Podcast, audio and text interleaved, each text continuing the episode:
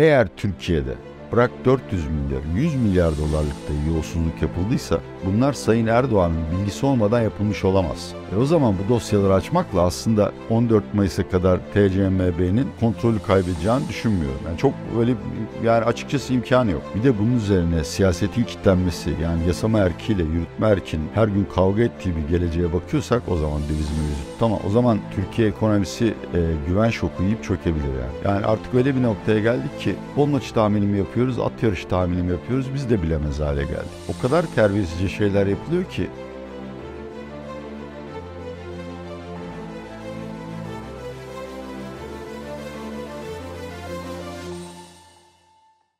merhaba, hoş geldiniz. Merhabalar Semih. İlk önce geçmişte kalan çifte bayramımızı kutlayalım ve sonra yayınımıza geçelim. Evet, e, şimdi Ramazan bayramı ve 23 Nisan Ulusal Egemen Çocuk Bayramı kutladık. Bakalım 14 Mayıs'ta kim bayram yapacak? Vallahi hiç kimse yapmayabilir. 15, 16, 17, 18, 20, 22 Mayıs'ı bile bulabilir sonuçlar. Yeni bir İstanbul seçimi diyorsunuz. Ee, o olasılık var. Bence parlamentoda 4-5 il yeniden sayılabilir. İki taraf da itiraz eder. Çünkü çok yakına benziyor. Cumhurbaşkanlığı seçiminde de 51-49 biterse hani Kılıçdaroğlu 51-49'da kaybederse Yüksek Seçim Kurulu dikkate almayabilir onun itirazını. Ama Erdoğan 51-49 kaybederse yani 49 alırsa Yüksek Seçim Kurulu'nun son kararlarını gördük zaten. Açıkça AKP'nin yanında yer tutuyor kendine seçimlerin tekrarını isteyebilir mesela veyahut da karar verebilir. O zaman bir o 15 gün e, bayağı Türkiye zor günler geçirecek her anlamda. Döviz piyasası anlamında da sokaklarda Allah göstermesin bir sürü deli herif çıkıyor artık YouTube'da söylüyorlar keseceğiz milleti diye. Ve anayasal bir e, kaos da doğar. O zaman şöyle mi olacak yani birinci tur seçimlerin 2019 belediye seçimleri gibi tekrarlayacağız. Bu herhalde ikinci turun yapılacağı 28 Mayıs'ta birinci tur olur. Ondan sonra 15 gün sonrasında ikinci tur koyulur. Ama ben bütün bunların sonucu değiştireceğini zannetmiyorum. Açıkçası anketlere baktığımız kadarla da Erdoğan'ın 51-49 kazanma şansı var ama bu %20'lerde. Kılıçdaroğlu kazanırsa 51-49 olmayacak muhtemelen. Daha mı rahat kazanacak? Daha da daha da farklı olacak. Evet onun seçimi yaklaştıkça konuşacağız zaten. Tabii. Bu 14 Mayıs'tan sonrasını değil de 14 Mayıs'a kadar kalan 20 günü konuşmak istiyorum. Döviz piyasası başta olmak üzere ekonomide işte anormallikler veya zorlamalar devam ediyor. İşte KKM tarafı var. Her piyasa her türlü sıkıştı zorlanıyor. Bu 20 günde bizi ne bekliyor? 12 Mayıs Cuma günü piyasa kapanana kadar bizi ne bekliyor? Nasıl senaryo sizin kafanızda var? Valla çok büyük bir çalkantı bekliyor. Şimdi tabii dövizi ayrı bir yere koymak lazım. Çünkü orada e, piyasayı merkez kontrol ediyor. Ama borsada artık yavaş yavaş bu seçim fiyatlamasının ve pozisyonlanmasının başlaması lazım. Türkiye içinde değil ama CDS ve Eurobond'da da ben hayret ediyorum. Yani e, şu anda hem Erdoğan'ın kazanacağını düşünenler hem Kılıçdaroğlu'nun kazanacağını düşünenler için acayip fırsatlar var. Erdoğan'ın kazanacağını düşünenler mesela CDS ve Eurobond'ları shortlayabilir. E, veyahut da swap yapabildiği kadarıyla TL shortlar dövize geçer. Örnek olarak söylüyorum bunları. Kılıçdaroğlu'nun kazanacağını düşünenler tam tersini yaparlar. Ama e, dövize gelirsek açıkçası ben bu e, kapalı çarşıyla e, interbank piyasası arasındaki makası anlamış değilim. Muhtemelen kapalı çarşı piyasadaki gerçek dengeyi, arz talep dengesini yansıtıyor. Ama Merkez Bankası niye bu kadar makasın açılmasına müsaade ediyor anlamakta güçlük çeki çekiyorum. Çünkü olayın bir fiziki boyutu var. Merkez veya bankalardan döviz alabilecek kadar itibarlı olanların işçilik özür dilerim girdi maliyetleri daha düşük gidip özel sektörde alanların canı yanıyor. İşin bir boyut daha var o da sinyalleme mekanizması. Artık millet e, dövizin kaderini TCMB'nin kotasyonlarından değil kapalı çarşı kotasyonlarından fiyatlarından görüyor. Ve oradan da Türkiye'ye döviz kalmadığı düşüncesine e, saplanıyor. E bu bir kısır döngüye sebebiyet verebilir.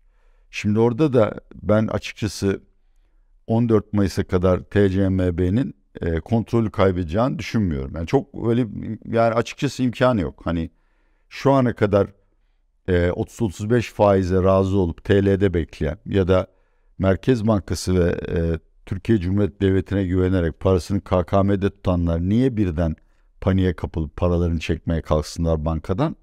Buna bir cevap bulamadım. Ben söyleyeyim mi. Belki biraz önce söylediğiniz 14 Mayıs senaryoyu insana ürkütebilir. Evet. Bence yani tamam o da olabilir. Bence asıl tehlike 15 Mayıs'ta.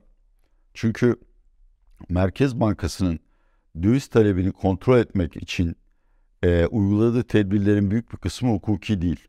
Tamamen sözel. İnkar ediyor bunları zaten Merkez Bankası. E, şimdi tabii Merkez Bankası'nın arkasında Sayın Erdoğan var. Sayın Erdoğan'ın kazanacağı düşüncesi hakim olduğu sürece kimse bunlara itiraz etmez. Ama 15 Mayıs sabahı karşımıza çıkacak sonuç. E, bankalar ya kardeşim yani ben gidip döviz alıyorum. istediğim fiyattan alıyorum, satıyorum. Sen bana yazılı kararname getir, önüm ancak o zaman dururum diyebilir. Merkez de onu yapamaz.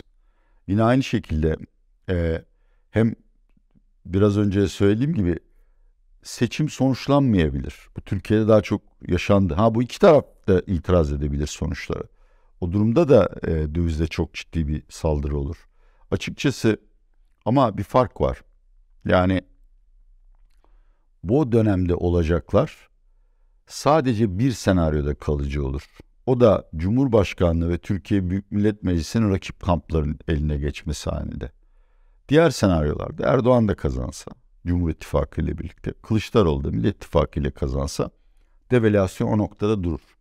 Ve muhtemelen yazında çok güçlü bir turist takımı olup piyasadaki döviz bollaşacağı için Türk lirası bir miktar daha değer kazanır. Ama yani hani bu Türkiye'deki siyasi gerginlik ve bunun ekonomik maliyetini, ekonomiye nasıl yansıdığını hepimiz görüyoruz. Ee, bir de bunun üzerine siyasetin kitlenmesi yani yasama erkiyle yürütme erkin her gün kavga ettiği bir geleceğe bakıyorsak o zaman döviz mevcut. Tamam o zaman Türkiye ekonomisi e, güven şoku yiyip çökebilir yani. 14 Mayıs'a kadar da bunlar olabilir. Ama açıkçası pek olasılık tanımıyorum buna. Merkez eğer serbest piyasa kurallarına riayet etseydi olurdu. Çoktan dövizin uçup gittiğini görürdük.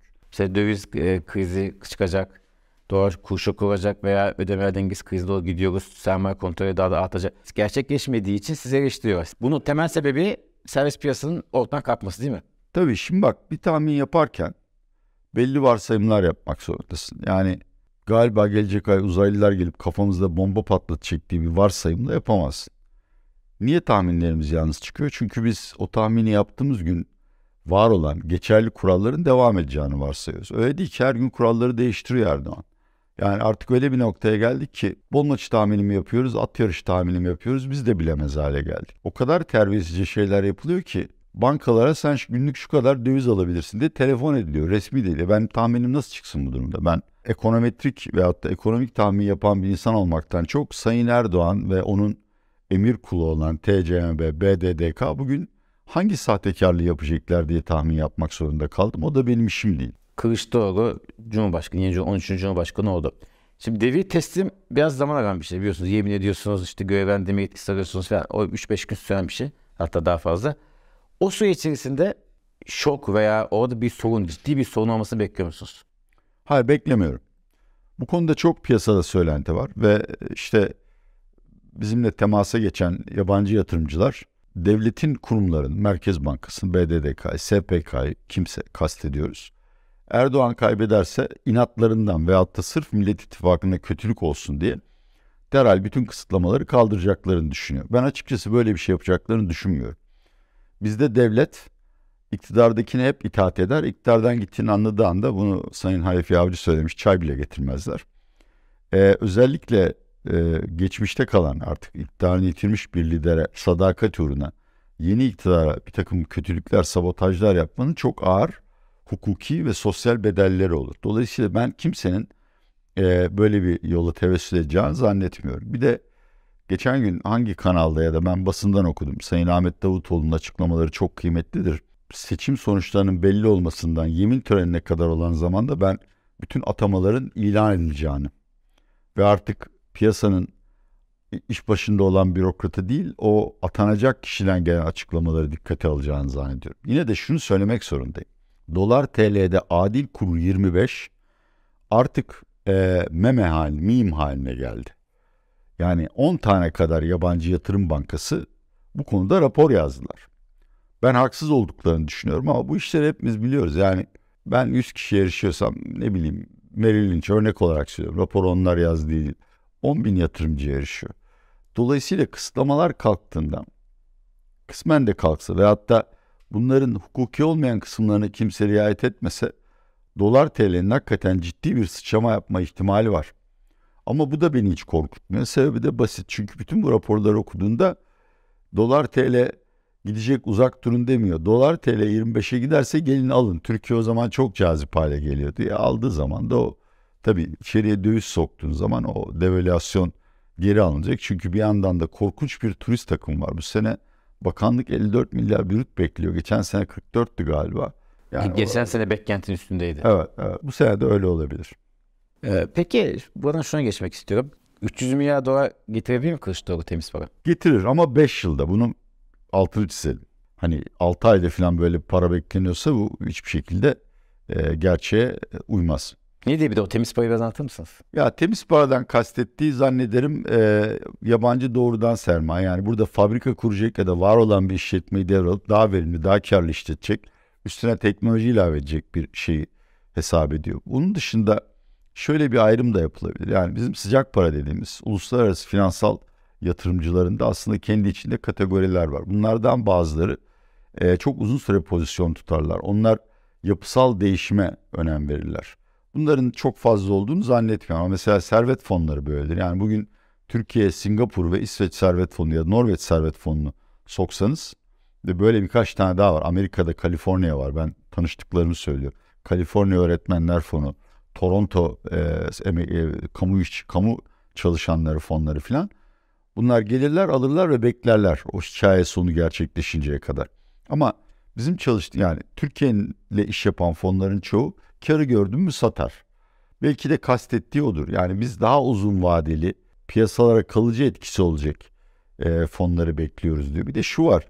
Türkiye borçlanıyor, borçlanıyor diyoruz dışarıda. Aslında net borçlanma çok az. Çoğu vadesi geleni kapatıyor.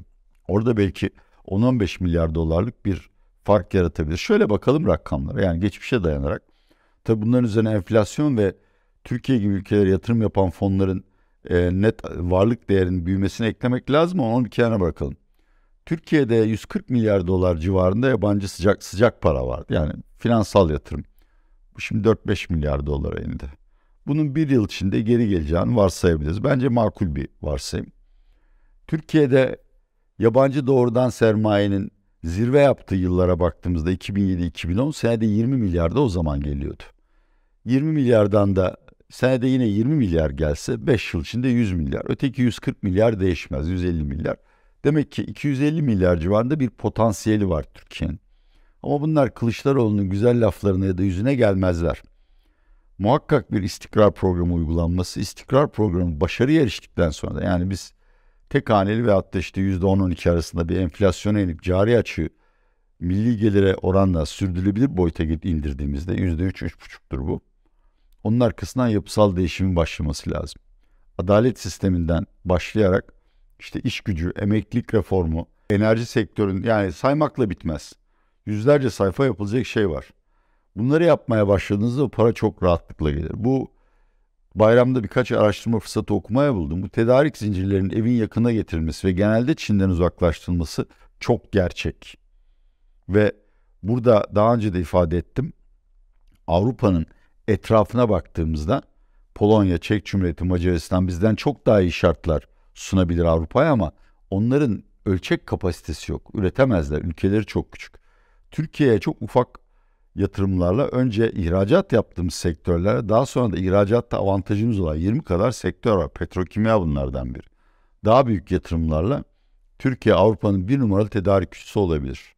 Ve bunu Bilge Yılmaz da anlatıyor zaten. E, bence buna hazırlık yapmak fayda var. Düşünmekte fayda var. Evet. Peki burada şunu sorayım yine aynı bağlamda. Bakan Nebati, Canikli ve Cumhurbaşkanı Erdoğan. Kılıçdaroğlu'nun bu yurt dışına para getireceğim lafını sürekli eleştiriyorlar. İşte Nurettin Canikli de en son e, biz bu yayını yaptırmadan birkaç saat önce 44 adet tweet attı.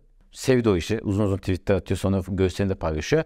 İşte altyapısı yok. Zaten İngiltere'nin böyle bir sermaye gücü yok. Ee, dışarıya 300 milyar verecek falan de diye bir uzun bir tweet sayısı attı. İzleyenlerimiz oradan okuyabilir detayını. Neden bu konuya çok takık? Bir buradan IMF'e bağlıyorlar tabii mevzuyu. Roller değişti. 2018 seçimlerine kadar AKP her zaman umut vadeten parlak bir geleceği planlarıyla sunan parti. Bunlar gerçekleşti, gerçekleşmedi. Başka bir şey. Ama seçim mesajı her zaman bize güvenin sizin hayatınızı daha iyi yapacağız. Türkiye'yi daha iyi bir yer haline getireceğiz. Artık bunu söyleyemiyorlar. İnandırıcılığı kalmadı. Bir de kafalarında fikir kalmadı. Dolayısıyla bu sefer korku kampanyasını onlar yürütüyor. Bak tefeciden para alacaklar. Bak aslında o para IMF'den gelecek. Bu her şeyde öyle. İşte Meral Akşener de söylüyor ya PKK'lıyız, FETÖ'cüyüz. Nasıl oluyor bu yani? Ancak insanları korkutarak ve şu andaki rejim değiştiği takdirde işlerin daha kötüye gideceğine inandırarak oylarını koruyabilirler. Dolayısıyla bunları hiç ciddiye almamak lazım. Yani söylediğin tweet'e söyleyeyim. İngiltere'nin 300 milyar sermaye çıkartacak şey yokmuş. Adam daha ne söylendiğini dahi anlamamış. Söylenen şu. Londra'da merkezi bulunan fonlar belki 100 trilyon dolar yönetiyor ya. İngiltere'nin parası değil ki o. Kraliyet sana gelip burada fabrika açmıyor, borç vermiyor kardeşim. İngiltere'de muhkim fonlardan geleni. Bunun yanında New York var, bunun yanında Asya dediğim gibi Singapur var. Bize Güney Kore'den de para geliyordu. Japonya hala çok büyük potansiyel. Ya keşke rakamları hatırlayabilsem ama yani bu 100 trilyon bahsettiğim para bütün gelişmiş ülkelere dahil yapılandır. 3-4 trilyon civarında gelişmekte olan piyasalara yatırım yapan fonların bilançosu olduğunu düşünüyorum. Ki bunun işte yani hani ne olacak yüzde beşini falan rahatlıkla alırsın. Türkiye'nin payı bir zamanlar bazı endekslerde borsada değil borsada iki uçağa çıkmıştı. Bu Barclays tahvil endeksinde falan yüzde beş altıya çıkmıştı. Dolayısıyla yani yapayım istediğim kadar yorum yapayım da izleyicinin vaktini kaybedeceğiz. Hakikaten belki insanların hiç hafızasının olmadığını düşünüyorlar. Belki de e, ne söylesek nasıl olsa inanıyor millet diye düşünüyorlar. Erdoğan e, Londra'ya gitmedi mi defalarca sıcak paraya konuşmak için? Nebati Amerika'ya gitmedi mi? Nebati bugün dahi ben beni ziyaret edenlerden biliyorum. Hepsi teker teker görüş bir saat ayırıyor. Ve o, o yaptığı zaman doğru da Kılıçdaroğlu yaptığı zaman ya bunların hiçbir şey yok yani. Peki yine hafta olduğu gibi artık 3 hafta kaldı. Yani bizim bundan sonra iki yayınımız kaldı sizinle. Şunu sorayım anketlerde son durum ne? Nasıl okuyorsunuz? Valla Cumhurbaşkanlığında manzara basit. Eğer Sayın İnce veya Ogan daha fazla oy kaybederse Kılıçdaroğlu birinci turda kazanır. Ama e, konsensüs yani çoğunluk görüşü işin ikinci tura kalacak. İkinci tura geldiğimizde de e, oy dağılma açısından Kılıçdaroğlu'nun kazanacağına dair pek bir şüphe yok ama işte hep bu ya ne olur ne olmaz sandıkta bir şey mi olur ya da seçmen yorulur sandığa gitmez mi hikayesi var. Ama bence yani oy dengelerine baktığımızda ikinci turda Kılıçdaroğlu'nun kaybetmesi söz konusu değil. Dolayısıyla bence Banko Kılıçdaroğlu ikinci tur e, sürpriz ya da plase ne diyorlarsa ilk tur aynı e, %50 ihtimalle de ilk tur. Parlamento seçimlerinde bilemiyoruz. E, özellikle şimdi anketlerin de türü değişti. Eskiden parti parti soruyorlar. Şimdi ittifak ittifak soruyorlar. Dolayısıyla ne olup bittiğini tam göremiyoruz. Ama konuda elimizde geçerli bir simülasyon var. Panorama yapmış anladığım kadarıyla pek halka anket açıklamasa da çok itibarlı bir anket kuruluşu. Onların e, Mart e, ve Nisan başı anketi ortalamalarından yaptığı simülasyona göre Millet İttifakı CHP İYİP 286 AKP, MHP de 220 falan çıkartıyor. Gerisinde Yeşil Sol ve diğer ittifak partileri alıyorlar. Açıkçası bunu garanti edemem. Bence Türkiye Büyük Millet Meclisi seçimi çok daha yakın geçebilir ve şunu da söyleyeyim. Tamam her iki tarafta karşılıklı daha önce hiç görmediğimiz hamleler yapıyor. İşte Kılıçdaroğlu'nun Kürt ve Alevi açılımları, Erdoğan'ın doğal gazı bedava vermesi falan ama bence artık sonuçlar az çok belli oldu. Yani bundan sonra belki Cumhur veya Millet İttifakı lehine 2 puan 3 puan bir değişik görebiliriz. Dolayısıyla o konuda da vereyim. Bence Millet İttifakı parlamentoda en büyük gruba sahip olacak. Ama şu anda basit çoğunluk olan 301'e erişeceğini zannetmiyorum. Muhtemelen e, pek çok konuda ya e, Yeşil Sol'un çekimser kalması ve oturmagi oylamaya girmemesi ya da onlarla işbirliği içinde yasa geçirebilecekler. E tabi seçim sonrasında mecliste ki tablo değişiyor.